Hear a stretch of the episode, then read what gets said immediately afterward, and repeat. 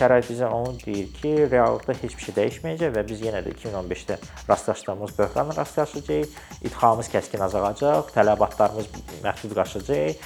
Biz yenə də düşünəcəyik hansısa qeyri-neft sektoru barədə yenə düşünəcəyik. Yenə də beynəlxalq təşkilatlardan dəstək axtaracağıq və nəticəsi nə olacaq? Yenə də gözləyəcəyik ki, qiymətlər artsın, qazın ya neftin qiyməti artsın.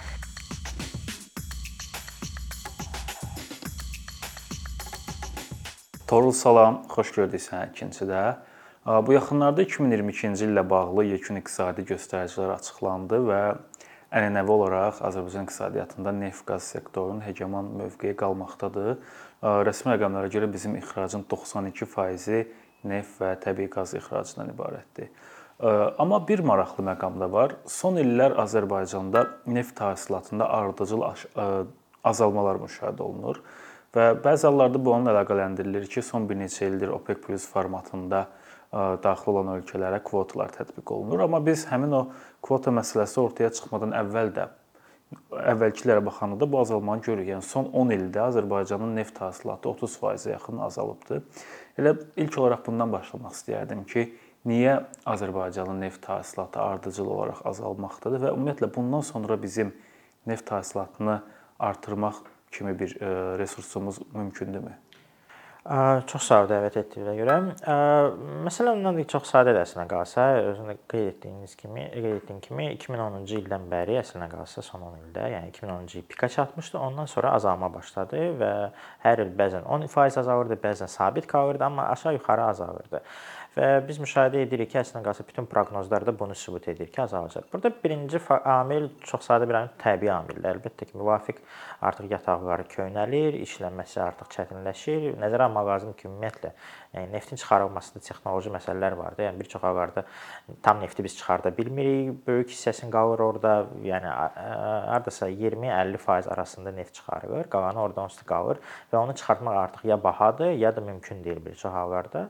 Və bir çox hallarda yəni e, bu e, çıxarılma əslində qalsa neftin qiyməti ilə bağlıdır. Yəni neftin qiyməti yüksəkdirsə, biz müvafiq addımları atırıq. Artıq daha da çox neft çıxarma ya da daha da çox e, belə çətin yataqlardan çıxardırıq. Amma neftin qiyməti aşağıdırsa, nəzərə alsaq ki, indi nisbətən yüksəkdir, amma ümumən belə görürük, trend əsas trend ondan ibarətdir ki, neftin qiyməti aşağı düşür. Bizə sərf eləmir artıq bununla məşğul olmaq.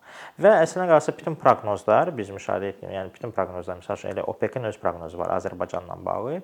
Onlar qeyd edirlər ki, 2030-cu ilə kimi neftin hasilatı aşağı-yuxarı sabit qalacaq, amma 2030-dan 2035-ə artıq 14% azalacaq, ondan sonra daha da 16% azalacaq və tədricən azalmaya doğru gedəcək.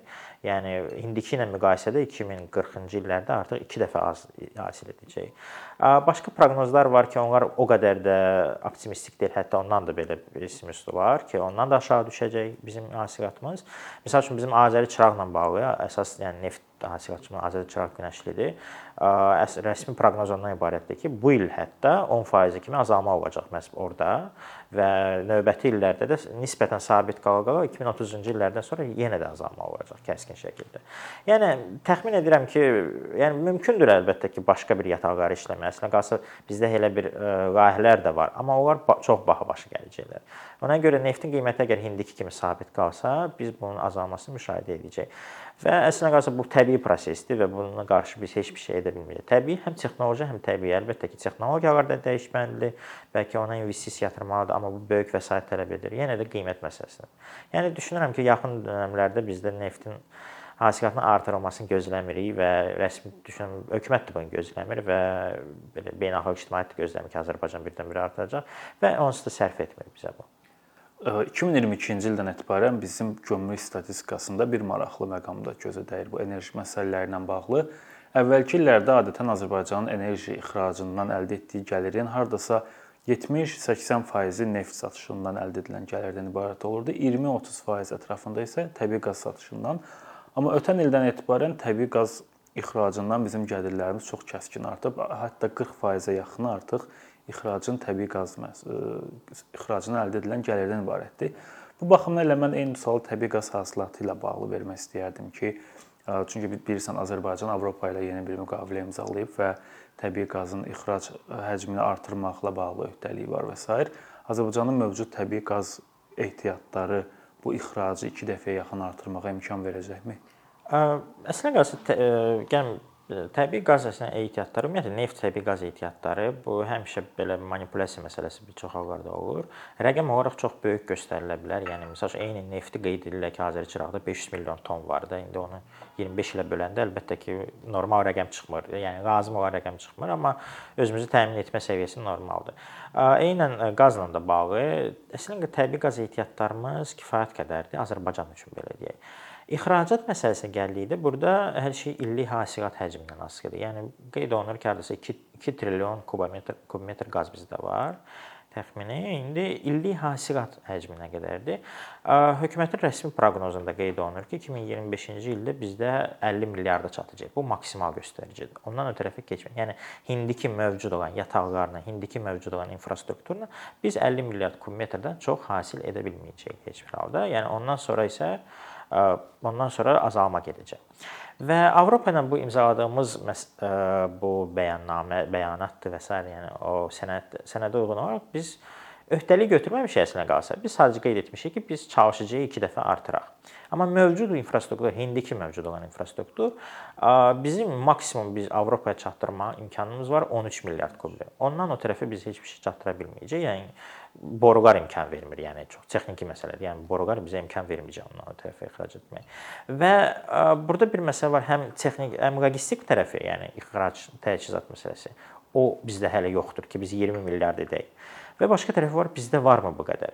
Yəni təxminən bizdə yoxdur. İndi bizdə yeganə imkan var. Əlbəttə ki, bizim imkanımız var artırmaq.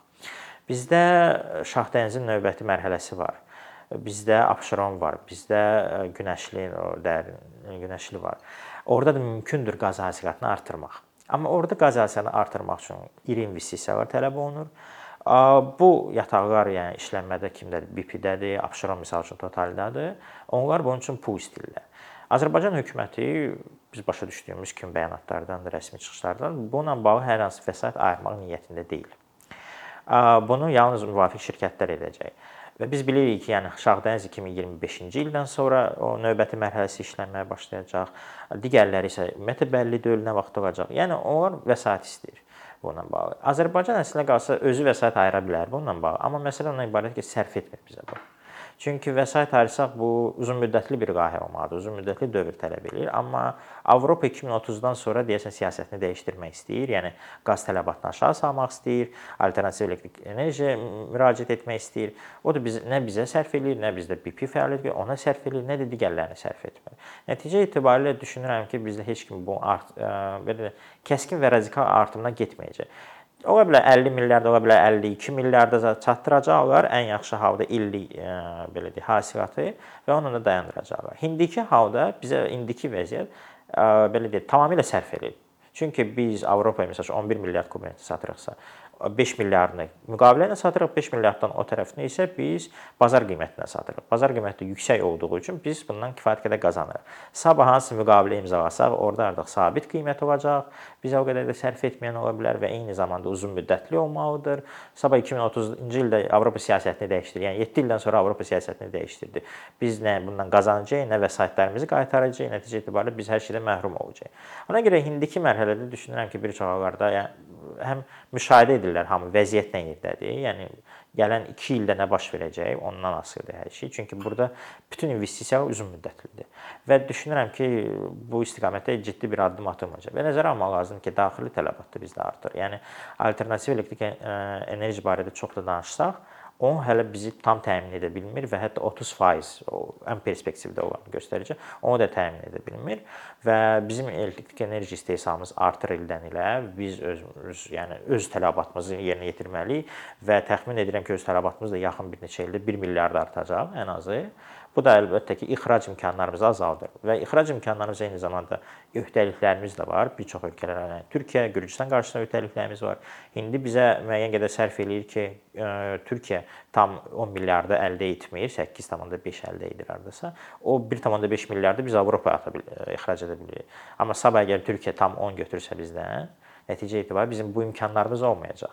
Və yəni bu öhdəlikli şəraitində biz hələ də əlavə investisiya yatırıb hasilatımızı artırmaq ümumiyyətlə belə deyim, məntiqli cəhətdən sərf etmir bizə heç bir halda. Yəni indiki vəziyyət aşağı-yuxarı imkan verir ki, Azərbaycan iqtisadiyyatı müəyyən qədər nəsə qazansın və belə də davam etsin. Ümumiyyətlə ötən il məncə bütün dünyada ən çox müzakirə edilən məsələlərdən biri enerji məsələsi idi, xüsusilə Avropada. Çünki fevralda, ötən ilin fevralında Rusiyanın Ukraynaya hücumundan sonra Avropa ölkələri Rusiyaya qarşı sanksiyalar tətbiq etdilər və onlar birmənalı olaraq qərar verdilər ki, Rusiyadan olan enerji asılılığını azaltmaq lazımdır və müxtəlif alternativlərin axtarışına keçdilər. Və tez-tez biz Azərbaycanlı rəsmi şəxslərdən və bəzi ekspertlərdən də açıqlamalar eşidirik ki, Azərbaycan Avropanın enerji xəritəsini dəyişdi, əsas oyunçulardan birinə çevrildi və s. Ya bunu dəqiqləşmək istədim ki, doğrudan da Azərbaycan Avropa bazarında Rusiyadan o boşalan yeri dolduracaq qədərmi bir oyunçuya çevrilib. Yəni hal-hazırda bu böhrandan sonra Azərbaycanın Avropanın enerji təminatındakı rolu və payı necə dəyişdi?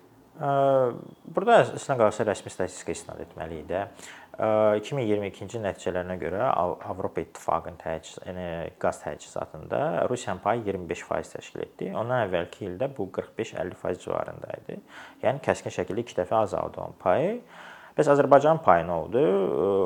Avropa Komissiyasının məlumatına görə 9 ayın nəticəsinə görə Azərbaycanın payı 3.5% idi.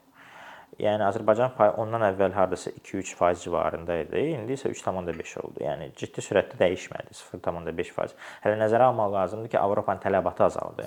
10% civarında azalıb Avropanın tələbatı. Yəni hətta o səviyyədə belə bizim payımız ciddi sürətlə dəyişmədi. O bəllidir ki, biz 8 milyard satırdıqsa, 5-8 milyard arası satırdıqsa, satmaq imkanımız var idisə, indi 11, yəni ciddi bir, bir fərq, yəni öz payımız ola bilər absolut rəqəmlərdə 2 dəfə arta bilər, amma Avropa üçün bu çox da yüksək rəqəm deyil. 360 milyard kub metr idxal edən, yəni bir struktur üçün bu çox da böyük bir rəqəm deyil. Və nəzərə almaq lazımdır ki, ümumiyyətlə Avropa Azərbaycan barədə çox danışılır. Yəni nəyə görə? Avropanın əslinə qalsa digər mənbələr hesabına Rusiyanın payını əvəz etmə imkanı var. Bu sıxılmış təbii qazdır, bu Şimali Afrikadan əldə olunan qazdır və s. yəni Amma məsələ nədən ibarətdir? Sadəcə tə sıxılmış təbii qaz daha bahadır. Yəni ABŞ-ın satdığı e, sıxılmış təbii qaz çox bahadır. Və o əlbəttə ki, Avropa üstünlük verir ki, boru qazına ki, o daha ucuzdur və əlbəttə ki, bu bu şəraitdə Azərbaycan barədə danışılır. Çünki ə, e, belə deyək, indiki mövcud olan borular hardan var? Yəni Şimali Afrikadan var, Nor Norveçdən var daxili Niderlanddan var və Azərbaycandan var. Və əlbəttə ki, 4 mənbə arasında Azərbaycan sadəcə sonuncudur o, o mənbələr arasında. İndi Şimali Afrikada artıq 2 dəfə artırmağa çalışır bu ixracatını. Yəni əgər Şimali Afrika 2 dəfə artırsa, əgər Avropa tamamilə öz sıxılmış təbii qaz imkanlarından istifadə etsə, Azərbaycan burada heç bir rol olmayacaq ümumiyyətlə. Azərbaycan lazım olmayacaq artırma. Yəni sadəcə Avropa daha ucuz nə isə əldə etsin deyə Azərbaycanı tez-tez qeyd edir. Amma Avropa özü bu pul yatırmaq istəmir. Avropa Azərbaycandan yalnız o zaman istifadə etmək istəyir ki, daha ucuz götürək sizdən.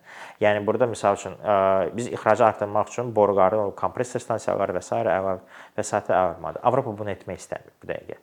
Və nəticə itibarilə biz daha ucuz satırıq deyə, yəni sıxılmış təbii qazla müqayisədə biz bizdən əldə etmək. İndi o cəhətdən vacibliyimiz ola bilər müəyyən qədər artdı ki, biz təmin edəcəyik. Amma bizim imkanlarımız məhduddur.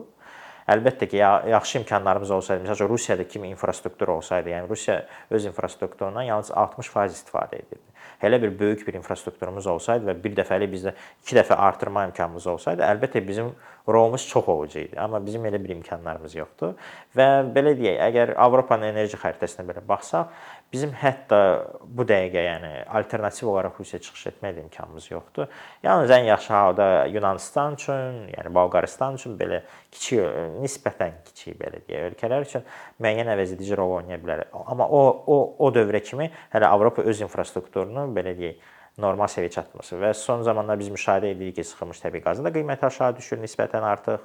Yəni ümumiyyətlə yəni, təbii qazın qiyməti aşağı düşür və böyük ehtimal gəl normal səviyyəyə çatsa artıq Azərbaycanın belə ehtiyacı da olmayacaq. Biz bayaq ixrac rəqəmlərindən danışdıq, amma bizim təbii ki, büdcə gəlirlərimizdə də enerji sektorunun çox ciddi payı var. Yəni rəsmi rəqəmlərə görə 50%-dən də bir qədər artıq hissəsi Azərbaycan dövlət büdcəsinin birbaşa və yaxud dolayı yollarla enerji sektoru hesabına formalaşır. Və biz həm də bayaqdan onu danışırıq ki, bir tərəfdən hasilat azalır, digər tərəfdən hə qiymət indi nisbətən yüksək olsa da qarşıdakı illərdə astronomik həddlər gözlənilmir. Bəs bu nə vəd edir bizim büdcəmiz üçün, Azərbaycanın gəlirləri üçün? Enerji gəlirləri azalır qeyri-neft sektorunun gəlirləri müəyyən qədər artmasa yenə də cəmi 3 milyard dollarlıq bir ixracdan söhbət gedir. Heç bizim idxalımızın yarısı belə eləmir. Belə bir şəraitdə bu günün perspektivindən baxanda bizi nə gözləyir? biz bu gün perspektivdən baxanda bəlli deyil biz nə gözləyir. Çünki heç bir plan yoxdur, heç bir strateji yol xəritələri var idi, fəaliyyət planları var idi çoxlu sayda. Onların heç biri demək olar ki, normal yerinə yetirilmir. Ən yaxşı halda bəzi bəndləri çox effektiv yerinə yetirilir, amma bir çox bəndləri ümumiyyətlə yerinə yetirilmir. Və əslində qalsa biz sonuncu il bizi xüsusi olaraq bunu göstərdi. Yəni xüsusi olaraq nəqliyyat sahəsində biz müşahidə edirik ki, Azərbaycan hazır deyildi sən demə. Bizdə neçə illərdir deyirlər ki, Azərbaycan nəqliyyat dəhlizinə çevrilməlidir, amma 2022 göstərdi ki, biz buna hələ hazır deyilik. Yəni kifayət qədər yüklər getdi Azərbaycandan və Azərbaycan faktiki bütün imkanlardan maksimum istifadə edirdi, amma kifayət etmirdi. Yəni göründü ki, hazır deyil hələ heç bir şey. Bu nəqliyyat hamına çevrilməyə hazır. Baxmayaraq ki, strateji yol xəritəsi 2016-cı ildə qəbul olunmuş. Orda artıq bu var, yəni artıq rəqəmlərin 2-3 dəfə artırılması məsələsi var, amma biz artırmamışdıq hətta. Məsələ ondan ibarət biz görürük ki, bunun istiqamətində heç bir addım atılmır. Nə gözləyir bizi? Əslində qalsa ə, yaxşı addım ondan ibarət ola bilərdi ki, biz daha çox emala fokuslanaq. Əgər neftimiz, qazımız var əslində qalsa, o kifayət qədərdir bizim üçün, şəxsən bizim üçün, Azərbaycan üçün kifayət qədərdir və yaxın bilməm 30 ilə kifayət edəcək ən azı.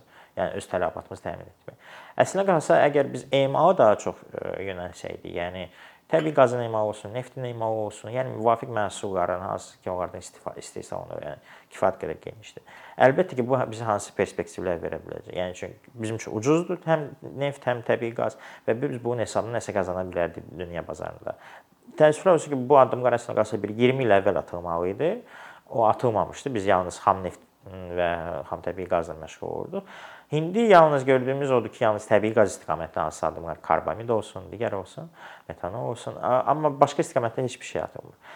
Yəni əslində qalsa biz bundan istifadə edə bilərik, amma bu potensialdan yoxdur. İndi qeyri-neft sektoru barədə danışmışkən, məntiq tələb eləyir ki, indi biz qazandığımız o əlavə mənfəətlər var ki, hansı ki, neft və qazın qiyməti artımından qazanmış, onları investisiya yatıraq ki, başqa sahələrə inkişafına.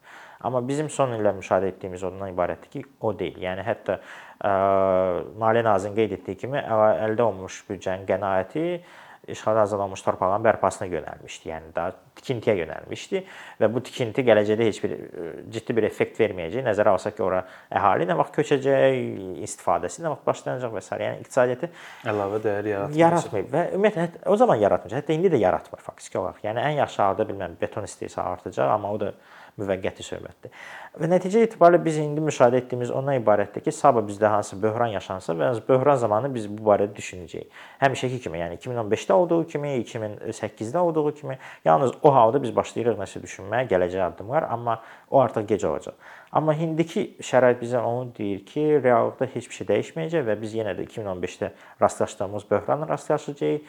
İdxalımız kəskin azalacaq, tələbatlarımız məhdud qaçacaq.